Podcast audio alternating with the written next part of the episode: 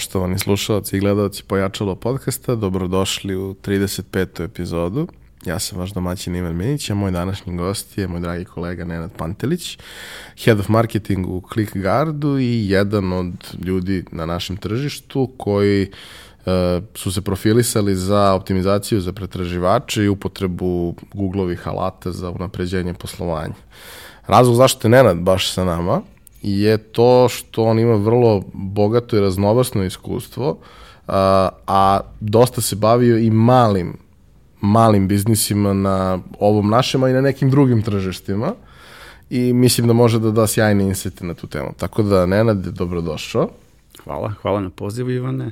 Uh, tebi i celoj pevačaloj ekipi, mislim da ovo što radiš je sjajno i nadam se da ćeš i u budućnosti ovim kvalitetom nastaviti i dalje.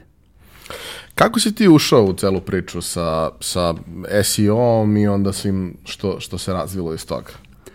Pa, kao i svi, bavio sam se web dizajnom, odnosno pravljenjem sajtova i web dizajn je u stvari tu prava reč, pošto to nije bilo web programiranje, uh, nego bukvalno dizajn, dakle, nacrta se nešto u Photoshopu ili Macromedia alatima koji su 2007.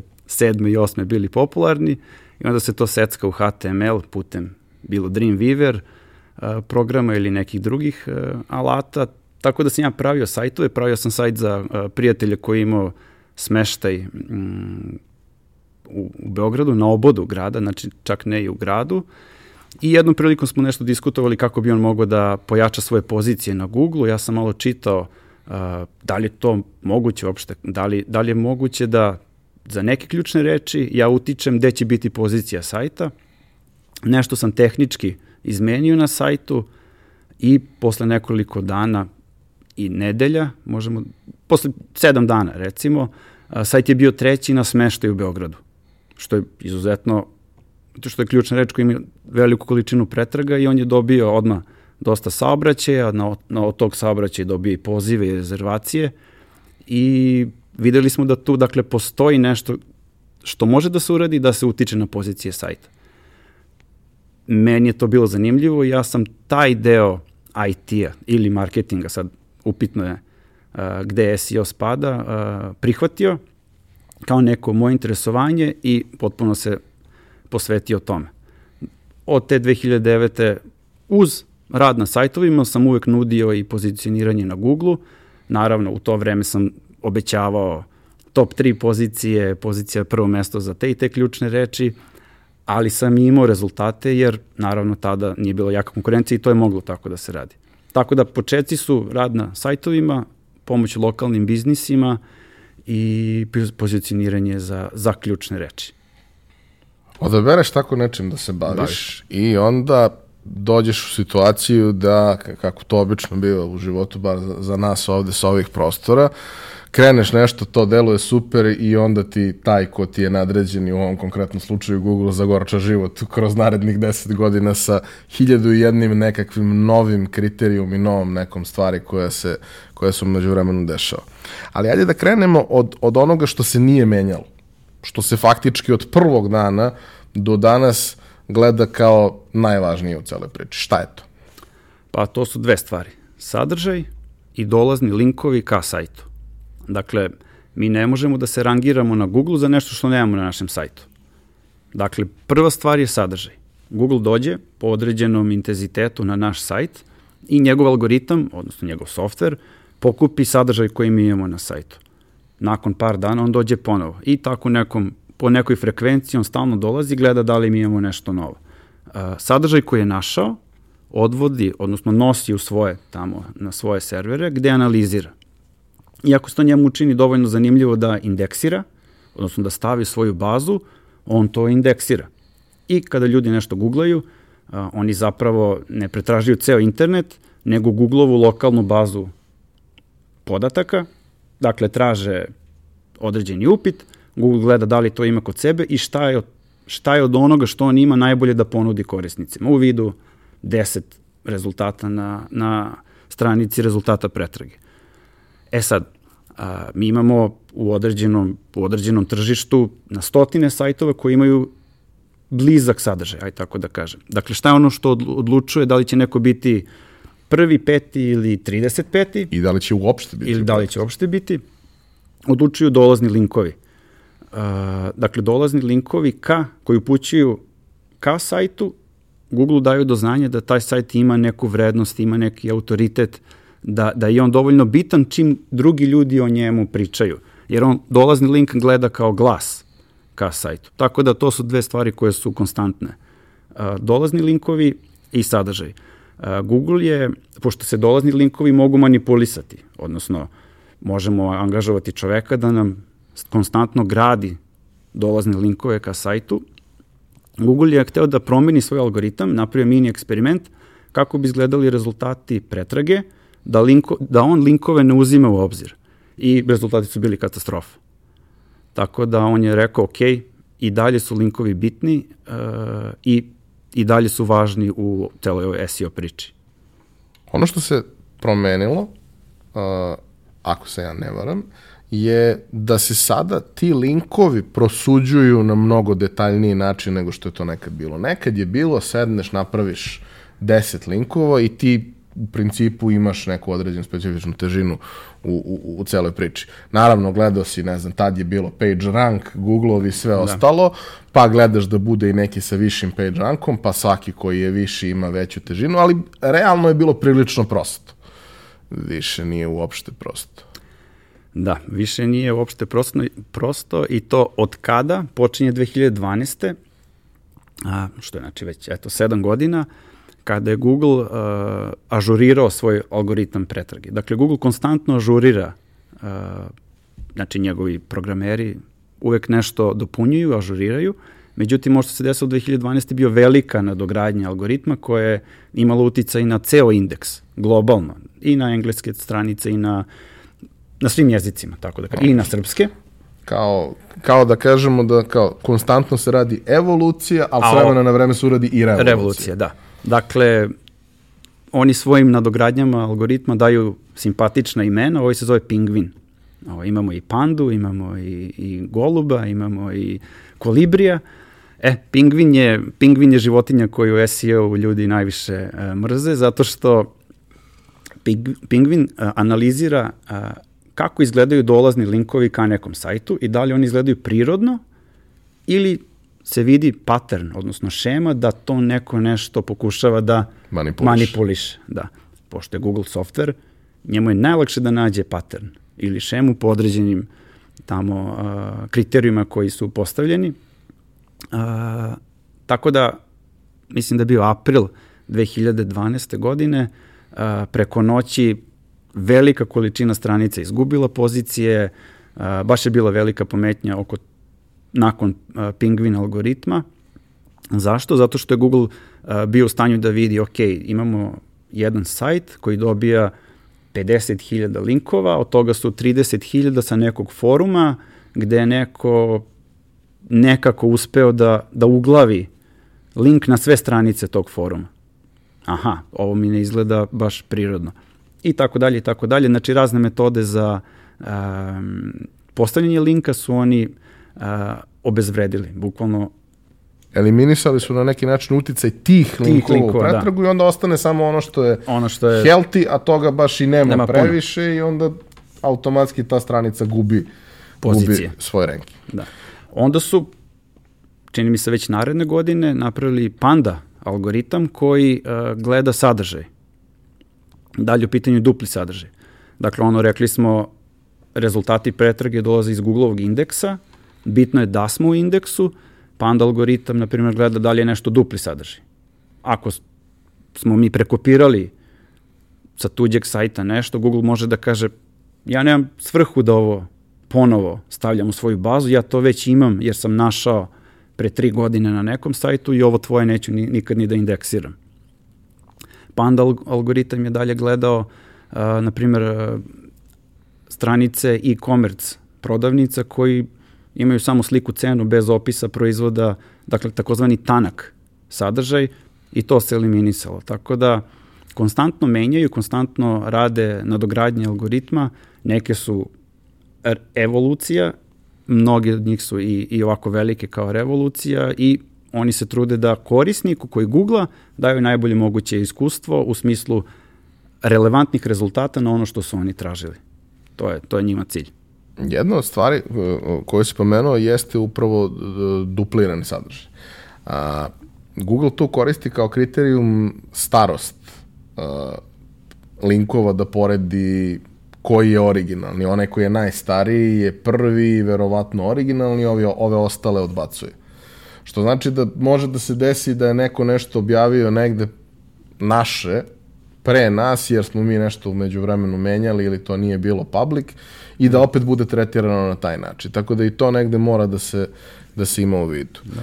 A, a, na primer, a, skoro se dešava da ljudi objave istu stvar na Medium domenu i na svom blogu i onda imaju problem da se, ono što su objavili na svom blogu se ne indeksira, nego to hvata, nego Google hvata ono što je na Mediumu ili čak u sindikaciji sadržaja kada novinska kuća preozme moj tekst, Google zbog jačeg autoriteta sajta, iako zna da je starije ono što je bilo kod mene, izbaci moj, moj, moj link iz indeksa, a ostavi taj kopirani sadržaj koje sajt jačeg intenziteta preuzeo od mene. Tako da ima tu milion... Znači i, i to je evoluiralo. Da, i to se dešava sad.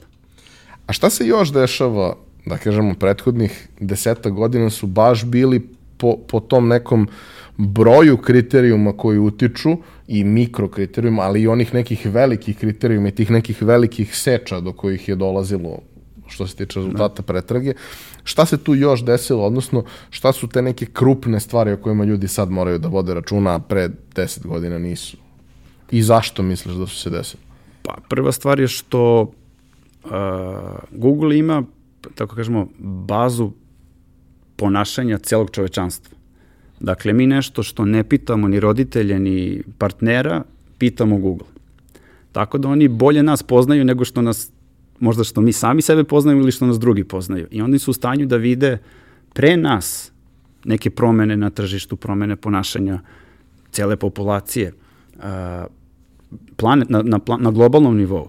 Tako su oni videli, ja sad ne znam, pre koliko godina, da opada broj pretraga i korišćenja, otvaranja sajtova na kompjuterima, odnosno na desktop uređajima, a da raste na mobilnim uređajima. Velika promena koju su oni rekli je naš indeks će se sada ponašati kao mobilni uređaj. Do pre, mislim da je prethodne, prošle godine puštena ta promena globalno.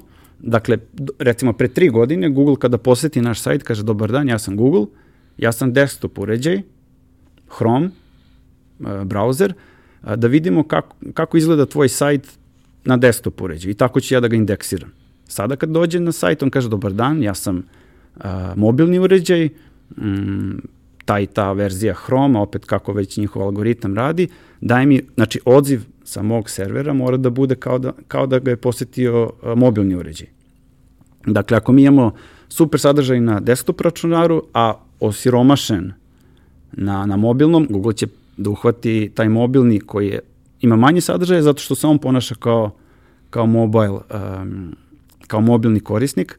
Zato, zašto? Zato što on zna da sada, ne znam, 70% korisnika konzumira internet preko mobilnih uređaja.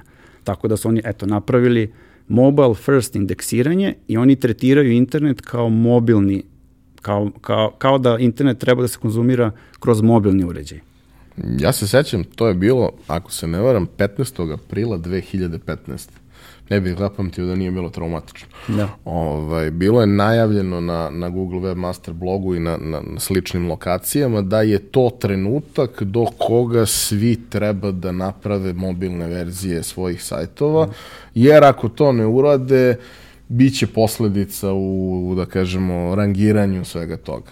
I mi smo to, da kažemo, za neke ključne lokacije uradili, ali za neke i nismo mogli, što zato što uh, je platforma bila prekompleksna da se da. prepakuje za neko kratko vreme, što zato što je to prosto, ne znam, to su neki sajtovi, neki klijenata koji ono 10 godina nisu radili ništa. I onda sam ja krajem tog meseca uh, pogledao analitiku i skapirao da se zapravo desilo to da je bukvalno 50% posete koja je dolazila palo tog dana, oni koji su, mi smo sve obavestili, oni da. koji su odreagovali na to u narednih par meseci se ta poseta vratila lagano, oni koji nisu odreagovali su samo nastavili da padaju. Da padaju. Vrlo nekim laganim, laganim, laganim tempom, ali neki je 1% mesečno, kroz par godina je to 50%. Posebno ako ta 1% donosi konverzije, odnosno uh, na određenu količinu poseta, mi imamo ili prodaju ili rezervacije ili čime već sajt da se bavi, znači oseti se i gubitak na finansijskom planu. Dakle, evo, šta se tu desilo? Google je pustio verovatno na public, odnosno javno je ažurirao svoj algoritam, tako da on bude mobile first i kad je on došao na sajtove koji se nisu promenili, uh, on njih uh, pinguje, odnosno on, on se predstavi sajtu Dobar dan, ja sam Google, želim da pokupim sadržaj, Google njemu vrati desktop sadržaj koji je na mobilnom, svi znamo kad otvorimo neki stari sajt pa moramo ono da, da, da pinčujemo, da zoomiramo, da pokušamo da navigacija je jako teška kad se desktop sajt ne adaptira mobilnom ekranu. Ali Google je taj sadržaj indeksirao. Ali šta je onda na nivou rangiranja rekao? Pa, ako ja ovaj sajt stavim korisniku na rezultatu, dajem mu loše korisničko iskustvo. Da, on će morati da se muči. On će da... morati da se muči, a ja njega da stavim na ne znam, 15. mesto rezultata, jer ovih prvih 14 imaju mobilni sadržaj, relativno je sadržaj sličan, da li je autoritet bio, autoritet domena svih tih 14-15 bio jednak ili kako god, dakle njemu taj desktop rezultat iz indeksa nije dobar rezultat da da korisniku. I verovatno je zato i pad bio. Jedna od stvari koja takođe ima sad sve značajniju ulogu, a realno pre 10 godina se uopšte nije uzimalo u obzir ni u kom smislu, je brzina učitavanja. Pa da. To je taj mobilni aspekt, to je razlog toga, zato što sajtovi na koje otvaramo preko Wi-Fi-a ili na kućnoj mreži, na našem računaru mogu slobodno da imaju težinu 5-6 megabajta težine, ali ako to otvaramo na našem telefonu, M će se sporo učitavati, M će korisniku brzo da pojede njegov mesečni plan, data plan koji, koji ima kod operatera. Dakle, oni su rekli, brzina sajta je direktni ranking signal za, na rezultatima pretrage. Zašto oni to javno onako sa dosta velikom količinom PR-a izlažu da bi svi, web, bi većina webmastera a, želela da optimizuje svoje, svoje sajtove da budu što brži da bi li možda u budućnosti dobili neki skok na, na, na rezultatima pretrage. Oni lepo kažu, brzina je ranking faktor, svi odjednom krenu da se bave optimizacijom brzine, što u suštini a, korisnicima daje bolje iskustvo. Dakle, nešto što se pre otvaralo na mobilnom preko 4G mreže 35 sekundi, sada može da se otvori za 7 sekundi, što što je mnogo bolje korisničko iskustvo za, za ljude koji, koji otvaraju stranice. Ja, čak postoji ceo nekakav novi pristup koji kaže, ok, hajde, učitaj odmah glavni sadržaj, pa onda učitavaj slike i ostale stvari da čovek ima čime da se bavi da, da. što pre.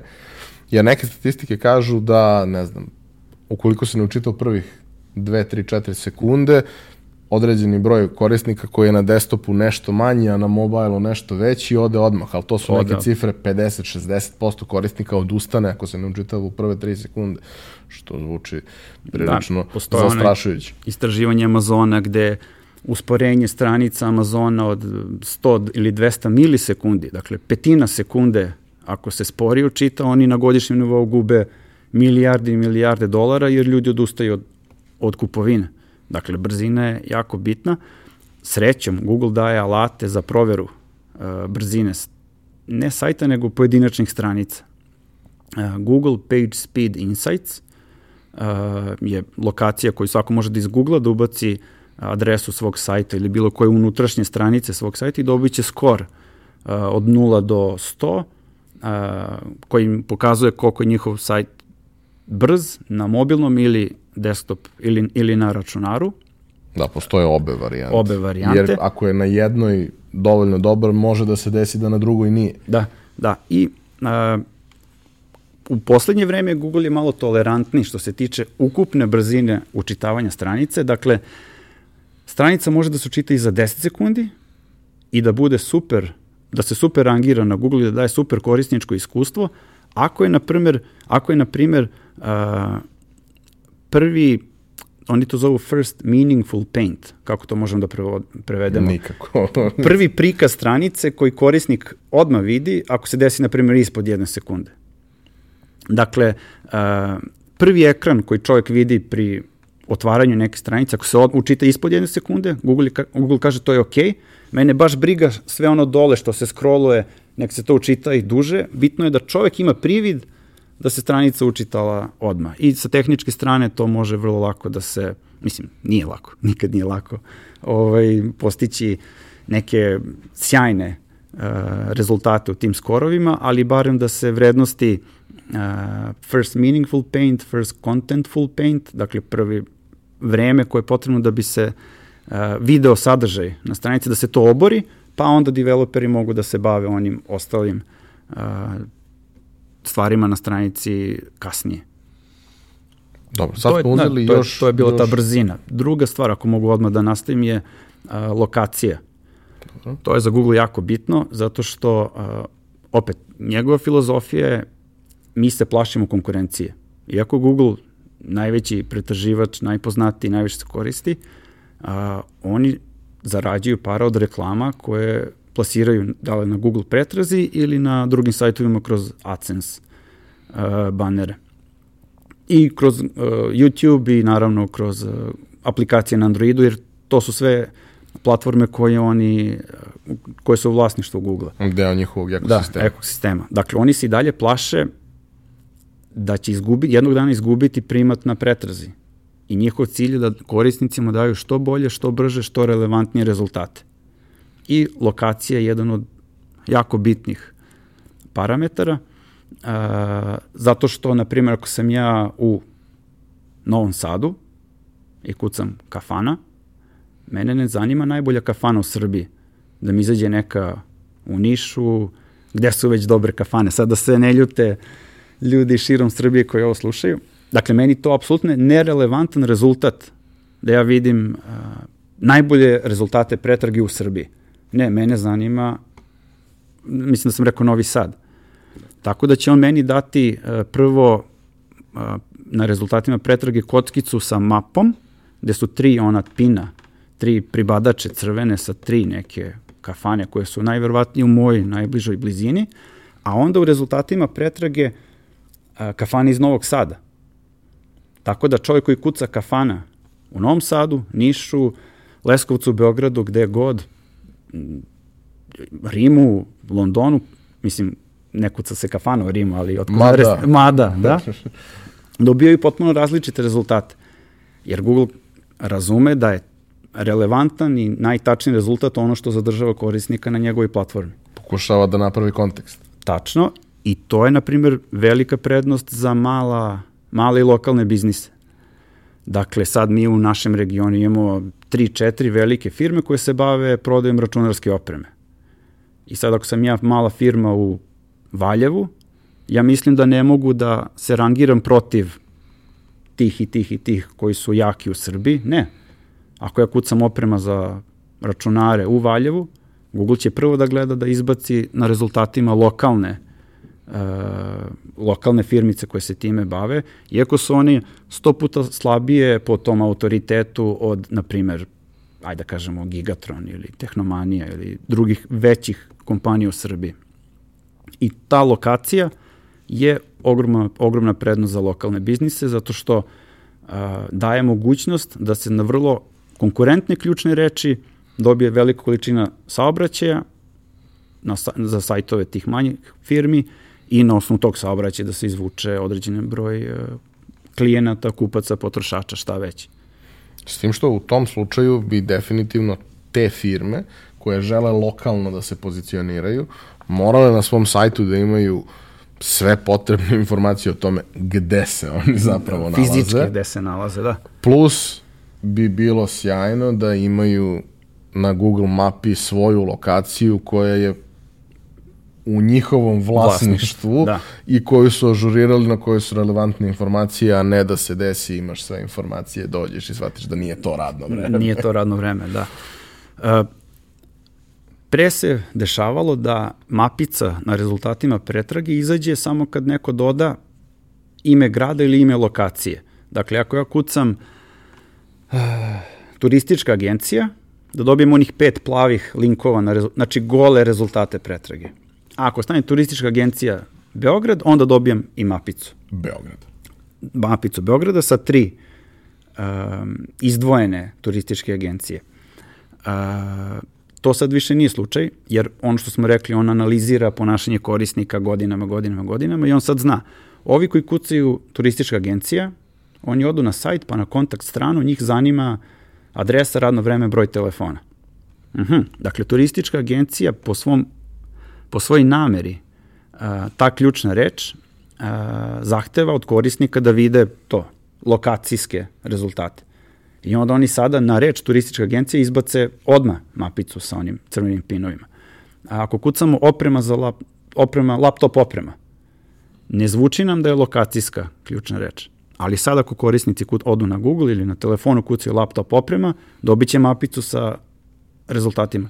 Mnogo, oko 30% svih ključnih reči, svih pretraga na svetu izbacuje lokalnu mapicu. Što je, i naravno u Srbiji se to reflektuje na isti način, što je ogromna prednost za, za male biznise. Uh, oni naravno analiziraju kako se ljudi ponašaju kad gledaju tu mapicu. Dakle, ako je neko bio, ne, mislim da kažu 60, znači minut, 60 sekundi na gledao je neki unos na Google mapama, 88% je verovatnoće da će u narednih 24 časa da ode da poseti tu, tu lokaciju. Dakle, ako ja sad gledam da, da kupim uh, opremu za računar i gledao sam na Google, na Google mapama određenu firmu, 88% je šanse da će ja da odem sutra do, do te firme. Dakle, postojanje, odnosno imati unos na Google mapama i biti na rezultatima pretrage je po meni uh, osnovna stvar kojom mali biznisi bi trebalo da se bave u lokalu. Uh, jedna od stvari, dakle ja se sećam, da kažemo, prethodnih nekoliko godina sam nekoliko puta bio u Americi i tačno sve ono što se sada dešava ovde ja mogu da povežem sa tim šta se pre nekoliko godina dešavalo tamo i ono što sam negde primetio, uh, ok, lokalno je krenulo pre 4-5 godina tamo, ali poslednji put kad sam bio, što je bilo pre nekih, hajde da kažemo, 7-8 meseci, tako nešto, to više nije lokalno, to je hiperlokalno. hiperlokalno. To je na nivou nekoliko kilometara u krug. Mislim, konkretno u Teksasu nekoliko kilometara u krug je i dalje nešto što ide školima. Jer, pa, dobro. Mislim, ide Texas, školima. Da, bilo sve je veliko u Teksasu, da. Ali suština jeste da kao, kad tražiš, uh, zavisno od toga šta tražiš. Ako tražiš, uh, ne znam, Apple Store, ti ne možeš da očekuješ da ima tri Apple Store u krugu od okay. 2 km, ali on ti pokaže da imaš četiri u celom Houstonu, na primjer ali ako tražiš lupam grocery store ili nešto, ili nešto. tako,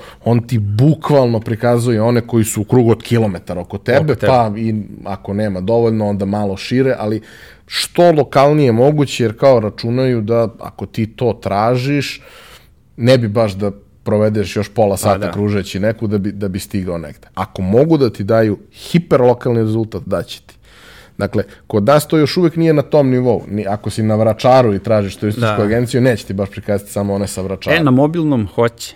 Na mobilnom hoće, uh, zato što uh, preciznija lokacija na mobilnom uređaju, znači tvoja lokacija na mapici će biti prikazana plavom tufnicom i onda će uh, prikazati bukvalno, šta smo već rekli, turističke agencije, mislim da je prvi parametar 800 metara oko tebe, pa onda ide na 1.6 odnosno 1,6 km, znači baš to hiperlokalno uh, i to su oni skoro uveli na, na, tom, na, na, na lokalnoj pretrazi, jer pre su bili razni drugi kriterijumi koji su određivali koja tri rezultata će se prikazati u toj lokalnoj trojici.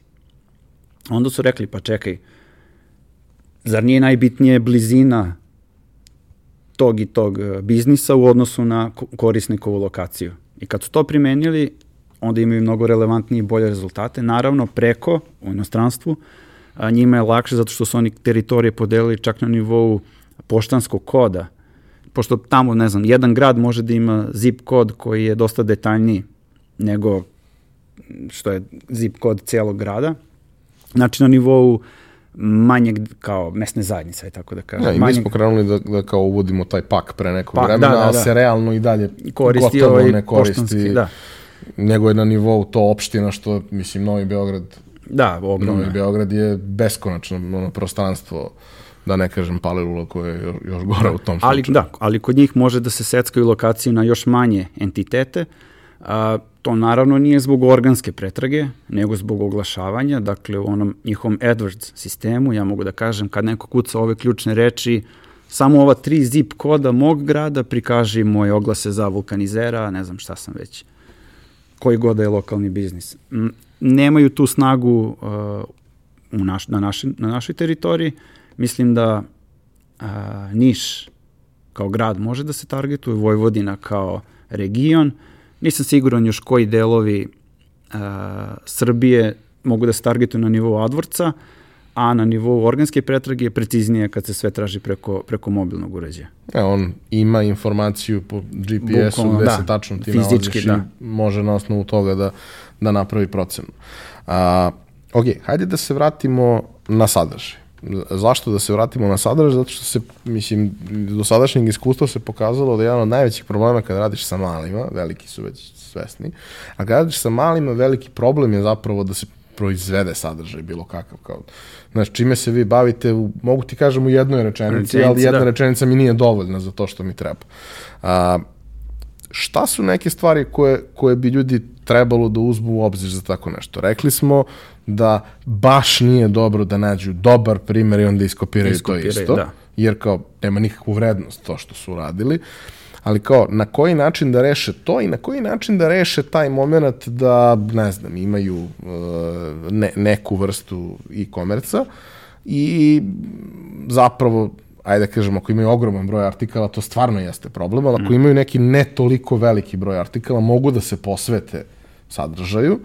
Uh, kako da reše to što, mislim, ono, jedan frižider je isti frižider da, svuda. Svuda, da. Kako da njihov ne bude potpuno isti kao, kao svi ostali. Pa, m, prva stvar koju lokal, lokalni biznisi najbolje znaju čime se bave. I oni bi prvo to trebalo da stave na papir. Ok, naša usluga je to, to, to i to.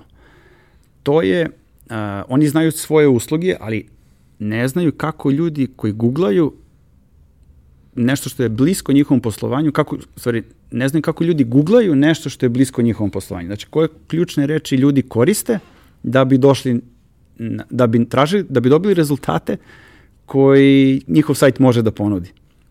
A ti bi trebalo da optimizuješ za ono što ljudi traže, a ne za ono što, što ti nudiš. Jeste.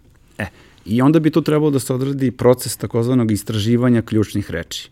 Postoje razni alati online, plaćeni i besplatni, uh, koji to koji nam pomažu da to odradimo. I onda napravimo veliku listu ključnih reči. Uh, to su reči za koje bi mi trebalo da imamo sadržaj. Naravno, ne može mali biznis da ima sadržaj na hiljadu ili uh, neki veliki broj, ali bar da se, da se fokusira na ono što je blisko njegovom poslovanju i blisko njegovoj lokaciji. Uh, naravno, svaki biznis zna, ovo su mu osnovne usluge ili kategorije, ovo su proizvodi ili neke dodatne usluge i onda se napiše tekst uh, koji opisuje te usluge, ne tekst da bi Google bio zadovoljan tim tekstom, ne, nego tekst da čovek koji to pročita a, bude ubeđen da je ta firma pravo mesto gde ja treba da odem i da potrošim pare. A, dakle, pisanje tekstova bi uvek preporučio da ide da bude prilagođeno korisniku, a ne prilagođeno, prilagođeno Google. Jer nekad se radilo zapravo ono prvo, Jest. odnosno imao si jako užasne, rogobatne Ne, tekstove, tekstove- koji su nabrajali gomilu ključnih reči, ima Da. i viceva na tu temu, Da, da. kad eh, SEO stručnjak ulazi u bar, restoran, Kafanu, kafanu, i sad još hiljadu i kafić, jednu da. ovaj, ključnu reč uz to. Sad to više nema zapravo Nema ni nikakvu smisla, da. vrednost. A, ono što treba da se uradi, da se ispriča dobro priča i možda da se u, sa, sa, sa dozom uh, ukusa i mere Pa da. u to ugnezde prodajni reči jasno. koje, da, koje imaju. reči i neki prodajni ipak da se čovek natera na, na akciju, odnosno da se tekst napiše tako da se unese neki poziv na akciju koji čoveka tera da okrene telefon, pošalje mail, pošalje upit, formu sa sajta ili, ili šta već. Mm, trebalo bi vlasnici malih biznisa da barem e, pokriju osnovne usluge kojima se bave nekim, ajde da kažem, kvalitetnim sadržajem. Kvalitetni ne u smislu e, broja reči, na primjer kao tekst do 300 reči. Ne. Neka kažu sve što imaju da kažu i neka to komponuju na, na jednu stranicu. A onda sve one dodatne reči, dodatne fraze koje ljudi traže, a, mogu da pišu u vidu bloga. Dakle, blog bi, bio, bi, bi bilo mesto gde oni mogu da pokriju, ajde da kažemo, beskonačan broj tema koje su relevantne njihovom poslovanju, koje ljudi konstantno traže a, i te, te ključne reči nemaju veliku količinu pret. Mislim, najbolje da damo primer. Um, mislim, meni je najbliži turizam, pošto sam i, i radio u, u, za, za domaće turističke agencije. Naprimer, e, glavna ključna reč je apartmani Halkidiki. Za to bi mi želeli da se rangiramo. Ali oko toga ima izleti na Neos Marmarasu, kako stići kolima do Sartija, mm, saveti za dečje aktivnosti na, pa sad, lokacija. To su sve neke teme koje ljudi mogu da obrađuju na, na svom blogu uh, i ljudi koji, vlasnici biznica da obrađuju na blogu, ljudi koji traže takve teme dolaze kod njih jer taj tekst ne piše 5, 6, 7, 10 konkurenata, tekst na tu temu postoji samo kod nas, ljudi googlaju, vide kod nas tekst, vide da smo mi stručnjaci za tu i tu regiju i veća je šansa da će kod nas rezervisati, a ne na nekom drugom mestu. A postoji i neki ono, da kažemo, duboko ljudski emotivni moment. Ovi ljudi su se istimali da napišu, da, napišu ovo za da. mene. Vidi se kao, da znaju. To. Možda je skuplje 10 eura, ali oni su mi dali neku vrednost, daću im 10 eura više, šta god, da, jer sam kod njih dobio ono što mi je trebalo. I mi, mi smo skoro išli na, na, na neko ovaj, letovanje na lokaciju o kojoj ne znam ništa Da, da. Delovala mi je simpatično, kuća mi je delovala sjajno i kao dobro na mapi, e, to je tačka i tu je more. Znaš, to meni dovoljno u principu. Pogledam kao, aha, dobro, ima pesak. Nije, kao da, nije, nije kamen, ok, kamen, da. kao ima pesak, ali ne znam ništa o tome. Zapravo ima jedna turistička agencija, iako nije bilo srpskih turista, jako sam srećan na tom pitanju, tom pitanju. Ovaj, ima jedna turistička agencija koja ima jednu stranu o tom mestu. I u to, na toj strani postoje neke osnovne informacije, par fotografija. Meni je to mnogo značilo. Nisam uzeo preko njih, ali, ali si se informisao, da. Dobio sam informaciju koja mi je trebala, znaš, kao prosledio sam taj link na još 10 mesta u krajnjoj liniji, nisam doneo bio odluku da je tu bio neki piksel, mogli su me retargetovati u narednom periodu, možda sam mogu i preko njih da uzmem ako bi mi bilo povoljnije ili ako bi mi više odgovaralo, whatever, ili sam možda mogao čak pre neku dodatnu aktivnost da uzmem preko njih ako sam već na Airbnb-u našo lokaciju koja mi odgovara. Da. A kao, znaju da postoji šansa da idem tamo, što da ne iskoriste nam ponude izlet ili nam preporuče neki restoran tamo s kojim imaju deal ili whatever. Da, šta već. Ali postoji more stvari koje tu može da se uradi. I kao, mislim, ceo customer journey za tako nešto je potpuno drugačiji nego što je uobičajeno. Kad ideš da kupiš, kad ti treba da kupiš ono, ne znam, a, a, novi vodokotlić, ti tražiš da ima najbliži vodokotlić. Da, kad da. planiraš letovanje, ne završi se na ono letovanje halkidiki pretrazi, da, nego je to prvi opšta, korak. Da, to je prvi korak, da. U suštini, je, čitanjem jednog teksta ti si kod njih već bio u mlakoj zoni da postaneš njihov klijent. Ne hladna, ne vruća, ali mlaka zona. Ok, nisi, ali postoji, oni imaju verovatno neki procenat te konverzije, dakle, ljudi koji dolaze da čitaju tekstove o gradovima koje smo mi opisali, u 8-7%, u 2% slučajeva rezervišu kod nas. Dakle, ako je taj tekst čitalo 100 ljudi, samo na osnovu jednog teksta, ta agencija može ima 2 do 7 rezervacija. A šta ako napišu opišu 50 mesta. A šta ako napišu i dodatne aktivnosti, šta ako napišu kako stići do tog i tog mesta.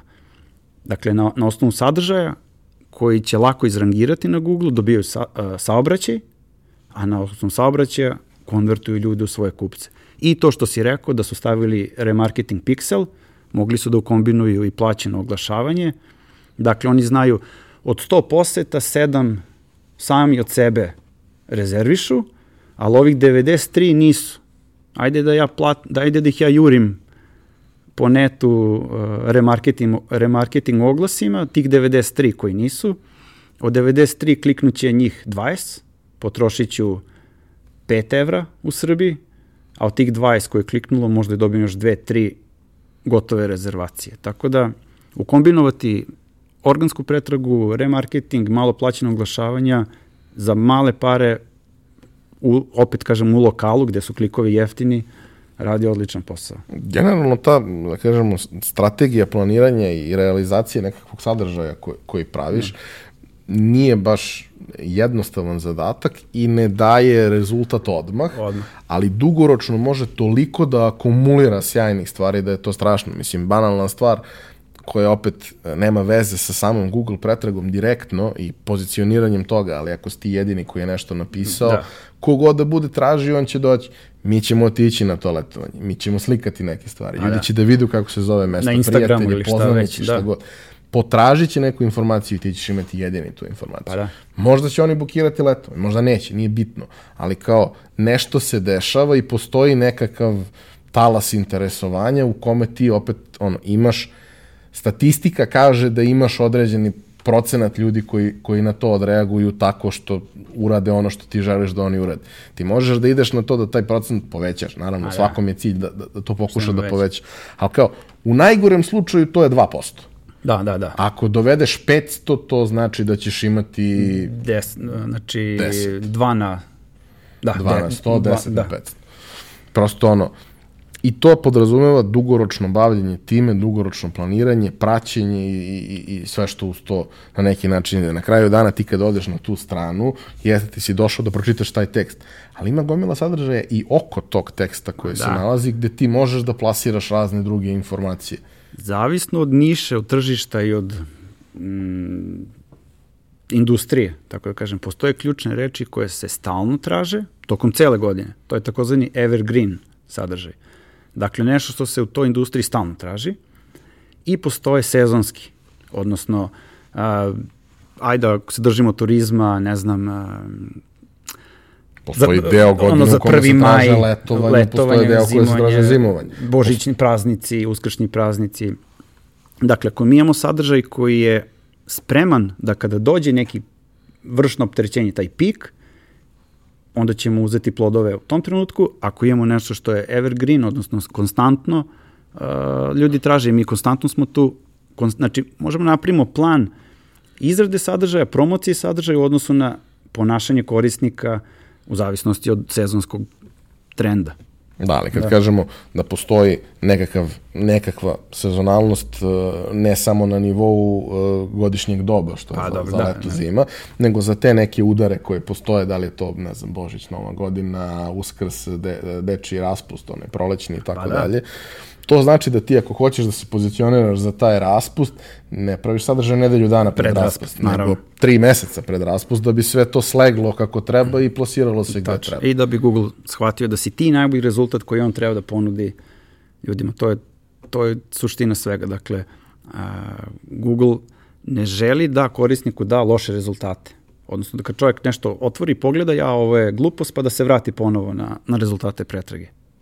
Tu postoji jedan, jedna specifičnost, to je Ašković pričao kad je bio, uh, koja je razlika između YouTube-ovog i Google-ovog algoritma što se tiče pretrage. A, da. Dok YouTube, uh, dok Google gleda da ti plasira što bolji rezultat i u principu mu je na neki način cilj da ti što manje vremena provedeš tu i dobiješ ono što pa, ti da. treba. YouTube je optimizovan na potpuno drugačiji način i njegov cilj je da ti što duže što ostaneš. Što duže i da gledaš i da vrtiš svaki novi klip. Jer da. na kraju dana njegov biznis model jeste što više prikazanih reklama, Reklama. što više prikazanih ovaj, uh, banera i svih onih ostalih stvari koje se, koje se vrte na stranici dok ti to gledaš.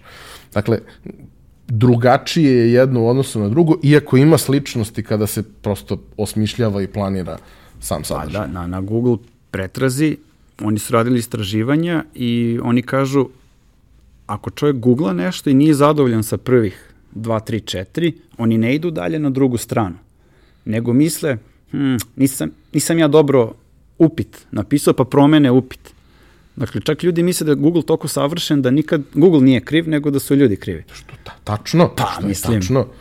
Mislim, ovaj, i, a, a iskustvo to, nas uči da, da jeste. Biti na drugoj, trećoj ili x strani Google je bezvredno. Dakle, ljudi googlaju, nisu zadovoljni šta su dobili, oni pre promene, promene upit da bi kao dobili nove rezultate.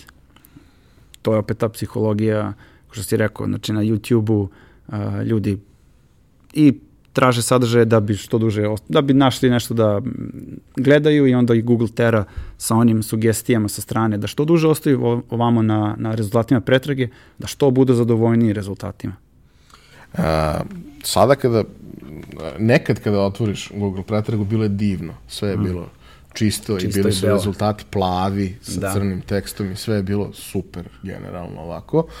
Sada kada otvoriš na većinu ključnih reči, čak i kod nas, tu postoji nekakvo more sadržaja okolo, koji su uglavnom plaćeni sadržaj, lokacije, slične stvari, tako da je to na neki način mnogo Veće... bogatije, ali i komplikovanije. A, ako si odabrao biznis, odnosno ako je tvoj biznis u nekoj, da kažemo, zaista konkurentnoj niši, gde postoji mnogo ljudi koji rade nekakve slične stvari i bave se time da se što bolje plasiraju, vrlo verovatno nije dovoljno da se samo baviš dobrim sadržajem, da, iako nikad nije dovoljno. Da. A, kako bi ti pokušao da objasniš osobi koja ne zna previše o tome, da je trenutak da angažuje nekog da mu radi AdWords? Mm -hmm, plaćeno oglašavanje. Da. Plaćeno oglašavanje ja jesam pobornik pod navodnicima besplatnog saobraćaja sa Google koji dolazi SEO-om, odnosno organskom pretragom. Ali uvek preporučujem da se odmah krene sa, odmah sa, sa plaćanjem, sa reklamicama. Zašto? Zato postoji nekoliko prednosti, evo na primjer 3-4, konkurentna, konkurentska prednost. Dakle, ja sam, imam konkurente koji su iznad mene organski, ja čim platim AdWords, ja sam njih realno prestigao. Moj unos će biti iznad njihovih organskih rezultata. Sad ja se borim sa drugim oglašivačima koji plaćaju lokaciju, ali ja ako na količinu klikova koje sam platio Google za neki saobraćaj imam dovoljno prodaja da sam u profitu, meni se onda AdWords uvek isplati. Ajmo, ja sam turistička agencija, smeš, imam marginu na zaradu na smeštaju toliko i toliko, ja potrošim na AdWords klikova da mi bude jeftinije nego kolika mi je ta margina. Dakle, ja zarađujem svakom novom rezervacijom iako plaćam AdWords. E, dalje dobijamo podatke o ključnim rečima. Dakle, kad je Google uveo HTTPS na svoju pretragu, on je u alatima analitike uh, onemogućio ljude da vide na koje ključne reči su do, dobili posetu. Dakle, da, nekad ja, je to bilo sasvim transparentno i ti si svak, za svoju analitiku mogao da vidiš sve. Apsolutno sve. Mislim da je to nastalo 2012. ili 13. su isključili i sad su sve te ključne reči not provided. Ne dajemo vam podatke. I onda imaju nek, ono, sitno, ono, statistička greška nekih ključnih reči koje prođu to. Ja imam neki osjećaj da zapravo te ostale ključne reči, pošto bukvalno pre neki dan sam da. gledao nešto i na, na milion pregleda, to ostalo je nekoliko stotina, da su to neki ljudi koji su došli sa nekog Binga ili nekog da, Yahoo-a da. ili tako nečega. Ostane u onom URL pušta. parametru ključna reč koji njihov, koji analitika može da pokupi, da. Uh, dakle, ali na AdWordsu, za razliku znači, od organskih poseta, na AdWordsu se vidi ključna reč za svaki klik. Šta to znači da su ovi sa AdWordsa manje bezbedni i HTTPS im ne smeta ili, znači, uh, sve podatke o klikovima sa plaćenog oglašavanja mi imamo u našim izveštajima, što je opet super. Jer ako sam imao 700 klikova, mogu da vidim 300 je došlo nove ključne reči, 200 nove ključne reči. Ok, ja sada plaćam 700 klikova, ali ja organski mogu da optimizujem stranice mog sajta, da se one rangiraju za sve to što ja sad plaćam na, na nivou AdWordsa. AdWords mi daje uh, prednost da se lako prilagodim tržištu. Dakle, meni je stigo kontingent opreme za računare. Ja nemam vremena da optimizujem stranice, čekam da one organske skoče, tri meseca, ne znam, da dobijem pozicije, pa dobijem sitne pozicije jer su gore ljudi koji plaćaju reklamice. Dakle, ja to nikad neću prodati, tu robu. Kad imam AdWords, ja mogu odmah da na neke ključne reči postavim reklamice, dobijam saobraćaj, od tog saobraćaja pravim prodaju i tako dalje i tako dalje. Na osnovu poseta sa AdWordsa vidim ključne reči, to uvodim, optimizujem moj sajt, a, nalazim bliske ključne reči mojim proizvodima, na primjer ako prodajem kako zameniti napajanje na kućištu. Napravim blog post na tu temu, taj blog post u Srbiji je, ili video na YouTube-u, zavisi, je na vrhu, opet od toga dobijem saobraćaj i konstantno pravim sadržaj koji mi omogućava da, tako kažem, da sam lider u niši ili u tom tržištu. Ja, tako, ako je to samo nešto što tako je... da, AdWords, odmah. Ako je nešto što je one time, dobio se određenu količinu nečega i to prodaš i više Pa nećeš da. to imati, onda nema ni smisla da se nešto preterano baviš Pa time da. dalje. Ali ako je to nešto što si sad dobio i treba ti odmah rezultat, a dugoročno ćeš se baviti time, onda je to idealno da dobiješ informaciju šta da Informacije, radiš. Šta da radiš, jeste. Uh, postoji anegdota opet gospodina Varge koji je zaista sjajan u tim uh, kreativnim načinima da se odredi uh, stanje tržišta. Na primjer, on cilja uh, englesko tržište tako što pravi reklame na ćirilici za konkurentne ključne reči i to Englezi ne klikću na to jer se plaše. O, to, je, to su ruski hakeri. Katastrofa, nemoj da kli... Znači, on sad a, podstavi 30 ključnih reči, mesec dana, tek je neko kliknuo slučajno. Znači, nije potrošio ništa para. A on tačno znao tih 30 ključnih reči, količine pretraga, kojim danima u nedelji, e, koji je vršni period, da li je tri popodne ili nakon tri popodne, ima podatke kad ljudi traže, sve, sve podatke koje mu trebaju u nekom tržištu, nije potrošio ništa u odnosu na sve one druge koji troše pare. Tako istraži neko, neko tržište i onda tačno zna kako da napadne. Nažalost, u lokalu to ne radi jer su naši ljudi radoznali, znači kod nas da napravimo reklamu na kineskom, svi živi će da kliknu na nju da vide šta je to na kineskom. Tako da, Ali, ono što ali to isto, su te, eto, cakice. Da. Ja, to je recimo jedan od, od, od načina kako da istražiš neko tržište, što je bitno. A da ne potrošiš ili da potrošiš mizernu količinu para. Da, zato što kod nas to prosto funkcioniše sa nekim budžetima koji su relativno skromni. Ti Skromni. ovde staviš ono, 100 eura mesečno na oglašavanje, imaš neki rezultat. Tamo Sav- staviš sjajno. 100 eura i samo nema. Ode za dan, da. And it's gone. Ne za dan, ode za Pa 5 da, minuta pa ako dobro, je da. nešto što, što, što je konkurentno na nekom većem, većem tržištu.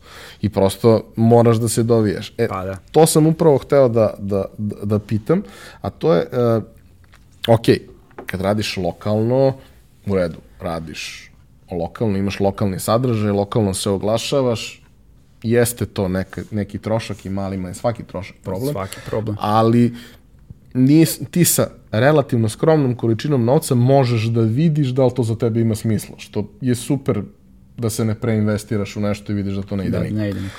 Ali šta se dešava ako pokušavaš, lok, lokalni si biznis, ali radiš nešto što nije nužno samo lokalno, već može da bude da li je u pitanju elektronski proizvod, da li je u pitanju nekakav ono, servis ili nekakav proizvod koji ima smisla da se, da se distribuira u celom svetu, ok, šta treba da radiš? Osim da treba da napraviš i stranice na jezicima koje gađaš, uh, šta su još neke stvari koje treba da uradiš po tom pitanju? opet nema neke prevelike razlike, vratimo se onim osnovama SEO. Dakle, bitan je sadržaj, bitni su linkovi. Na nivou sadržaja, sve te firme, sve, svi ti biznisi koje si spomenuo, a, ne mogu da se takmiče sa mnogo većim firmama, ali mogu da rade, a, mogu da pišu blog i mogu da rade na, to, na takozvanom content marketingu, marketingu sadržaja. Dakle, što više tekstova na teme koje su relevantne poslovanju, da, da na osnovu a, nekonkurentnih ključnih reči dobijaju male količine klikova. Na primer, ako su SaaS proizvod u projekt managementu, na primer. To je ogromna konkurencija. I teško će na te glavne ključne reči dobiti klikove. Ali oni mogu tri saveta za veću produktivnost. Kako naprediti razvoj remote timova.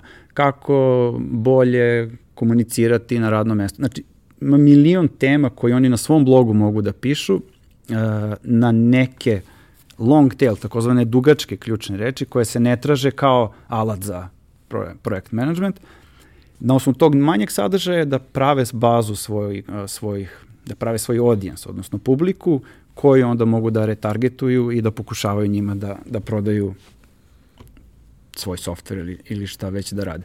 I onaj deo linkova da pokušaju da dobiju ka sebi što veći broj linkova da bi nakon određene, ne znam, šest meseci, godinu dana Google njih uvrstio kao autoritet u nekoj oblasti.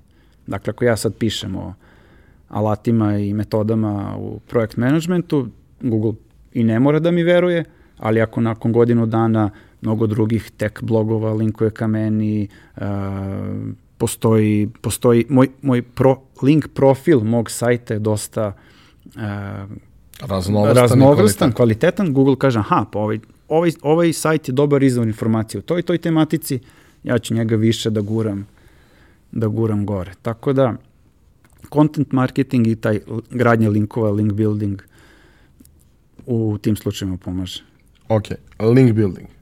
Da, naj... Najkompleksnija tema. Najkompleksnija tema SEO, da. Um, Ajde, u stvari, možemo da kažemo i prvo sadržaj, pa onda link building, jer uh, ljudima je uvek problem ovaj, da, da shvate da pisanje, sad, da pisanje teksta nije umetnost. Mislim, ok, pa može pa da. da bude umetnost ako treba napišeš na Drinić upriju, da, poželjno je da si Ivo Andrić, dosta je lakše kad si Ivo kad Andrić, si Ivo, ali ovo nije nešto što, što funkcioniše na taj način. Ovo je nešto što je servisna stvar i može da se piše po nekom setu pravilnosti, pitanja na koja treba da odgovoriš, pa se napiše, pa se malo dotera i to je obično dovoljno dobro. I prvi tekst će verovatno da bude bolan i težak, ali deseti će da bude dosta lakše. Samo mora da se počne. E sad, ok, ti praviš sadržaj za sebe, to je u redu. Gradiš svoju svoj fundus sadržaja koji A, imaš ja. na, na sajtu. Ali na koji način uh, ulaziš uopšte u, u, u, u, u pokušaje za, za, za link building? Pošto, ok, uh, imamo tu situaciju da to više nije tek tako bilo gde da se pojavi nešto pa je super. A, da. Već to treba da bude prilično pažljivo osmišljeno šta je uopšte način na, na koji može da se pristupi tome? Odnosno, hajde da kažemo šta bi preporučio, a na šta bi upozorio? Mm, pa da, znači, pisanje sadržaja je sjajno i bajno i postoji ono uzrečica content is king sadržaje. Samo ti pravi dobar sadržaj, ljudi će prirodno da linkuju na tebi, kvalitet uvek ispliva na površinu i to je ono, uh, romantičarski pristup. Da, samo hiljadu godina sačekaj i to I, će da, se desiti. Dakle, to je ono pristup, poetski pristup vrlo konkurentnoj oblasti. U suštini, e, pisanje sadržaja i onda pokušavanje dobijanja linkova može da bude i, evo kažem, e, stvar koja je automatizovana ili ubacen, ubačena u neke procese. Dakle, ako sam ja u industriji, ne znam, toj i toj, prvo treba da napravim uh, profil mog potencijalnog kupca i profil mog potencijalnog klijenta. Dakle, da li se ja obraćam ljudima koji su teh, tehnički i tehnološki obrazovani ili su to domaćice? Da li ne želim da sad spustim vrednost domaćicama, nego Prosto treba da znaš sadržaj kome se obraćaš, kome da bi znao obraćaš, kako bi se da, obraćaš. Da, kako se obraćaš, da. Dakle, kako oni konzumiraju sadržaj, šta njih zanima, da li su to na primjer, da li će moj alat koristiti uh, hobista ili profesionalac? Profesionalac, da li ko plaća za moj alat, da li plaća CMO ili CTO, a koristit će ga neki junior uh, koji, ne znam, radi u toj firmi ili će odluku o kupovini mog alata doneti junior, ili, znači moramo da istražimo kome se mi obraćamo, onda napišemo tekst koji pogađa u centar i, i, i, i rešava te uh, bolne tačke baš tih uh, osoba, tog, tog profila, uh, onda znamo da sadržaj koji imamo je njima vredan. Dakle, ako mi sad nešto googlamo i pročitam tri bloga ili tri neka how-to vodiča, verovatno će jedan baš meni biti onaj savršen, zato što je taj čovjek shvatio, ok, ovaj Nenad ili ovaj, ja pišem tekstove o SEO, ali sam više usre, u, sam se više fokusirao na one ljude koje zanima tehnička, tehnički deo te priče, a ne, ne znam, kreativni deo pisanja sadržaja. I onda ja kad pročitam tekst koji daje tehnički know-how, ja sam srećen šta sam tu pronašao i pročitao i onda a, nalazim vrednost u tom blogu. Isto je tako, znači, i kad radimo za nas, najbitnije je da mi naš sadržaj pišemo tako da je on relevantan ciljnoj publici. Što se tiče link buildinga, opet pogledamo ko linkuje na sadržaje uh, slične nama. Dakle, ne mora uh, da linkuje na nas CMO ili CTO, nego neki tech bloger koji piše u toj i toj oblasti. Dakle, onda ja sadržaj prilagođavam tom blogeru koji će možda želeti da objavi tekst koji ja njemu pošaljem. Dakle, uvek, kako kažem, personalizovano prilazimo osobi uh, koja je tema naše aktivnosti. Sad, e, da li, znači, možemo da im šaljemo gotov sadržaj, a da. možemo da im kažemo, e, vidi, mi bismo volali nešto, ti najbolje znaš svoju publiku, mi ocenjujemo da ta publika ima smisla, hajde ti napiši nešto, ali imaju vidu da nam treba da ovo guram. Da, evo, znači, ovo je malo pre bilo više o pisanju sadržaja, sad o link buildingu. Dakle, postoje nekoliko, ajde, ja, dobrih alata koji nam pomožu da ubacimo sajt, bilo koji sajt, i taj alat nam izbaci koje linkove ima taj sajt. Dolazne linkove ka tom sajtu. Dakle, ja ubacim link neke turističke agencije ili nekog bilo kog koje firme. Ili neke stranice na stranice sajtu. na sajtu i meni Ahrefs, Semrush, Moz, uh, alati izbace listu njihovih, njih, listu njihovih linkova. Prva stvar, to uradim za jedan sajt, to uradim za tri sajta koji su mi konkurenti, to uradim za 50 sajtova koji su mi konkurenti. Eksportujem sve te rezultate u Excel i imam bazu od 5000, 50.000 mesta koje linkuju na moje konkurente. Prva stvar je da vidim da li ja mogu negde džaba da uvalim, tako da kažem, link ka sebi. Dakle, postoje public, javni direktorijumi koji izlistavaju mm, firme koje su, koje ja pripadam, u kategoriji koje ja pripadam. Aha, nikad se ne bi setio, ali vidi, oni linkuju ka njima, ajde ja ću tamo da, da postavim profil moje firme. Uh, tako dobijem, ne znam, sedam linkova. Onda vidim, pokušavam, znači, prvo da vidim gde ja mogu besplatno, odnosno samo svojim aktivnostima da ubacim link ka, ka svojoj firmi onda mnogi ti linkovi koji dolaze ka a, mojim konkurentima su sada mrtvi linkovi. Dakle, moj konkurent je imao blog post na temu SEO i on je radio redesign sajta i više, ta, znači taj neki bloger koji linkuje na mojeg konkurenta, sad je taj link mrtav link, vraća ono 404. Ja vidim uh, prilike, pokušam da ukapiram zašto je ovaj linkovao na njega, šta je ovaj pisao na tom blogu. Na primjer, kako podesiti custom reports u, u analitici. Ja napišem tekst na tu temu. Novi, aktualno. Novi, aktualno i onda ping, odnosno kontaktiram onog tamo, e, vidiš, ovaj ti linkuje na 404, evo imam up to date uh, taj vodič. Taj vodič, da li bi želeo da li, naravno, nisu tu 100% uspesi u tom outreach, odnosno u, u javljanju uh, kontaktiranju drugih webmastera da linkuju ka nam, ali nekad, nekad uspe.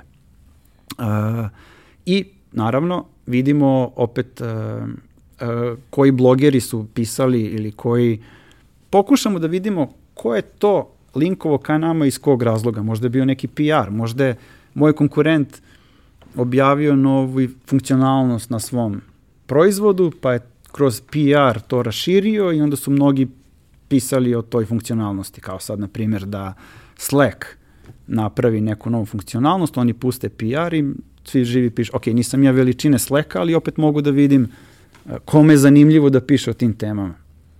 I onda njima priđem, njima priđem, imate ovde 404, odnosno broken link, ili im priđem, a, vidim da tvoja publika zanima to i to, napisit ti ja sjajan sadržaj na tu temu. Može ego bait, to je, to je uvek sjajna stvar, na primer, napišem ja tekst kod sebe, tri načina kako Minić može da napredi pojačalo podcast. Onako, udarim ti na ego i onda ti na ovaj, for the win blogu ili na pojačalu odgovoriš meni pa evo na račun ovog teksta odgovaram Nenadu i tako dalje. Znači možda da se radi na taj ego na moment na, na tu varijantu. Znači, postoji dosta tehnika za, za, za dobijanje linkova ka, Mm, Ja ka se sećam u jednom trenutku, ovaj, Goran koji je bio ovde gost pre nekoliko nedelja, ovaj, mi smo imali politiku na, na jednom sajtu koje smo uređivali da ne objavljujemo nikad sadržaje van ono kruga Pa autora koji radi i da prosto ono ok, mislim može neko da se javi, ali šansa da zapravo taj tekst koji pošalje bude objavljen je, mislim, teži nuli. I onda je Goran poslao jedan tekst, ja sam A da. pročitao tekst i rekao, vidi, ja, ovo- ja ovo moram da objavim. Mislim, jednostavno, ovaj tekst je toliko sjajan, jer on je, mislim, da se razumemo, da. jebeni genije za neke stvari. Ovaj tekst je toliko sjajan, nije problem za žmuriću na činjenicu da tu postoji nekakav I, link, i link ka nečemu dalje, da. ali kao to što si ti napisao je suvo zlato. E sad, ne možeš, ne možeš uvek da očekuješ da ćeš napisati suvo zlato i ne može na svaku temu da se napiše suvo zlato, ali možda ponekad ima smisla uložiti ekstra effort, jer će možda neko hteti to da objavi ko ti zaista pravi razliku. Pa da. A mnogo je sad već platformi koje su otvorene za to da se javi autor koji pošalje nešto wow i on kaže pa dobro, mislim, okej, kao. Da, ima link, dobro, ima link, mislim, ali vrednost Da, ovoga da, da, da. nadilazi taj link. taj link. Tačno, zato što E sad, uh, ljudi koji to šalju neće poslati tekst koji je direktna konkurencija sobstvenom brendu. Dakle, ne bi ja tebi poslao tekst koji bi ja rado objavio kod sebe na blogu, nego nešto što je blisko mom poslovanju, ima smisla da linkuje ka meni, a tebi je ultra zanimljivo da ti objaviš kod sebe. Znači, potpuno personalizovano za, za tebe. Treba da ima i tu komponentu, ali ona da, da je korisno za, za mene, za ali to ne sme da prevazilazi neki da je to na neki način, da kažemo, usput. Pa A ti zapravo Da, da. daješ vrednost, pa usput daješ i sebi nekakav boost, ali u suštini ti se baviš time da njegov čitalac bude zadovoljan. Da. I da on bude a, da nema ni jednu trunku a, sumnje da će njegovi čitaoci biti nezadovoljni time što on objavljuje tuđi tekst po tom principu. Dakle, evo sad sam ja SEO stručnjak i um, imam iskustva, na primjer, u optimizaciji brzine, br bržeg učitavanja stranica. Ja sad napravim odličan vodič za ubrzavanje, ne znam, WordPress uh, platforme, stran, sajtova na WordPress platformi i to ponudim nekom hosting, nekom hosting sajtu u domaćim okvirima. Njima je to dosta vredno, zato što a, objav, piše, ne znam, neko osoba ko se, koja je ko se- kredibilna. da, koja je kredibilna, tekst nije tri pasusa, tri bullet point, tri ono stavke, nego ima, ne znam, solidnu količinu mesa i, i, i sadržaja i oni će to rado objaviti. Dakle, nije teško, nije teško, čak i u nekim komplikovanim industrijama ovaj, dobiti spojni link. Ali to je sad postala industrija, tako da dešava se koliko god savršenu stvar da mi imamo, neko će tražiti pare za to, neko će odbiti. To je isto stvar konverzije, dakle, nađemo 150 blogira o turizmu, vidimo ko je rad, ko je željan da, da primi tekst, možda je to 7-8, ali opet je to solidan broj u odnosu na a, ne znam, da, da na neke teže načine pokušamo da dođemo do linkova. Dakle, nama je samo ostaje da napišemo sedam dobrih tekstova o turizmu, ljudi će to da objave i ti blogeri znaju da će ja taj tekst da čuvam, pazim i mazim, da ga šerujem, da ga dobit će, on će dobiti moju publiku kad objavi taj tekst. Ovaj, jer ću ja biti ponosan na taj tekst i ja ću njega boostovati, tako da kažem, tako da je to dodatni benefit i za to, dodatna korist za tog eh, blogera koji objavljuje.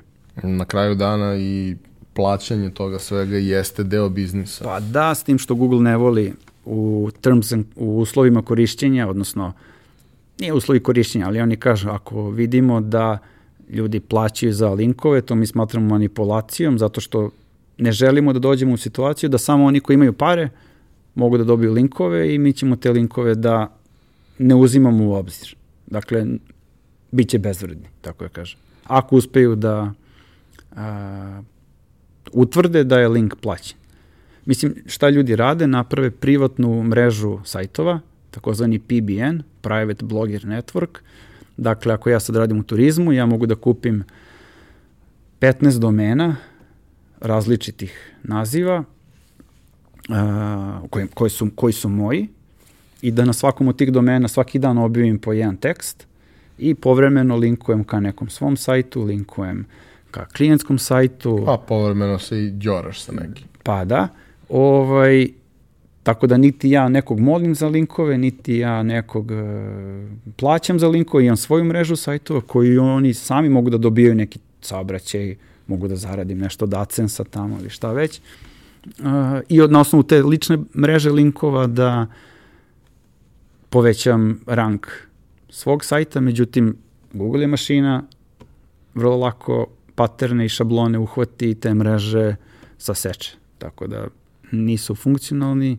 Uh, mogu da se pametno naprave, tako da da i Google kasnije uhvati, aj tako da kažem. Uh, šta je mana, na primjer, ljudi prodaju linkove sa svojih PBN uh, blogova, vrlo verovatno to, ti linkovi su bezvredni, jer čim on javno nudi link sa ovog sajta toliko i toliko ili tekst na ovom sajtu je toliko i toliko, ako to dođe do mene, doći će do ljudi iz Google koji to mogu da, da indeksiraju i eliminišu. Ali da funkcioniše, može da se napravi da vrlo solidno funkcioniše. Dobro, Nenade. Uh, za kraj, uh, ako bi davao tri saveta za nekog ko počinje, nema nikakvo zvanično prisustvo na internetu za svoj biznis i lokalnog je tipa da se držimo da, da. toga jer to jeste naj, najčešći slučaj, barem kod naših slušalaca i gledalaca. A, šta su tri stvari koje treba da, da ima u vidu? Pa ako su lokalni biznis, definitivno je da otvore Google My Business unos. Dakle, to je unos koji im omogućava da imaju svoju ono, pribadaču na Google mapama sa tačnom lokacijom gde se nalazi njihova, njihov biznis. Zašto je bitno? Zbog one Google, Google lokalne pretrage gde će na veliki broj ključnih reči oni biti u toj mapici. Mapica privlači pažnju od svih onih plavih linkova, reklamica, ta mapa je onako dominira i ljudi uglavnom kliknu na, na rezultate s mapice i uopšte nije teško biti u toj lokalnoj trojici ta tri rezultata. Dakle, da bi se to dobilo, potrebno je da otvore Google My Business unos za svoju firmu koji mogu, koji mogu da verifikuju. Verifikacija se vrši tako što na njihovu adresu stigne pisamce od Google-a sa kodom nakon dve nedelje. Ovaj, znači, otvore danas, nakon dve nedelje im stigne pisamce, oni unesu taj kod čime verifikuju da su oni vlasnici tog unosa, da oni imaju pravo da stavljaju tu radno vreme, opis usluga, slike, šta već i da se bave tim Google My Business unosom, jer će im on doneti najveću količinu lokalnih klikova, tako da kažem. Uh, druga stvar je pisanje bloga, sigurno, zato što on ili pravljenje, a sad ne mora da budu profesionalni, YouTube klipova. Zato što ako odrede ključne reči koje su bliske njihovom poslovanju, mogu da svaku ključnu reč unesu u Google i da vide šta Google tu prikazuje. Uh, nedavno sam baš nešto gledao, ne znam, zamena neonke. Pardon, ako se kuca, prvo izlaze YouTube klipovi. Znači, Google kaže, ok, najbolji rezultat za čoveka je video. U nekim slučajima je blog post, u nekim slučajima je slika, u nekim slučajima je kao infografik, šta već. Dakle, na sve te ključne reči da vidiš šta je najbolje, kakav sadržaj Google voli da vidi, da naprave sadržaj na, na tu temu, u tom formatu, i da stave ove alate za merenje analitike, posete sajt, dakle Google Analytics i Google Search konzola, uh, bivši taj Google Webmaster Tools, jer tu će videti kako Google vidi njihov sajt.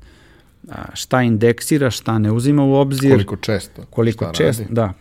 Šta ljudi rade na sajtu, koje stranice posećuju i na osnovu toga već mogu da onda da vide i da postave neki taj remarketing Pixel koji u domaćim uslovima uopšte nije skup. Mislim, Pixel je, jef, pix, poslednje Pixela je besplatno, ali klikovi na reklamice, na, na račun remarketinga nisu skupe, jer se tu dobijaju konverzije. To ono što smo pričali, 100 ljudi došlo, 3 su kupila, 97 nije, ali od tih 97 veliki broj zainteresovan, kroz par reklamica kojih mi pratimo, možemo da završimo dodatne, dodatne te kupovine. Da, tu možemo da idemo na tu varijantu da probamo sa nekim specijalnim ponudama, da Popustima, šta god. Da, da taj baner, to... da, možda kaže besplatna dostava ili šta već.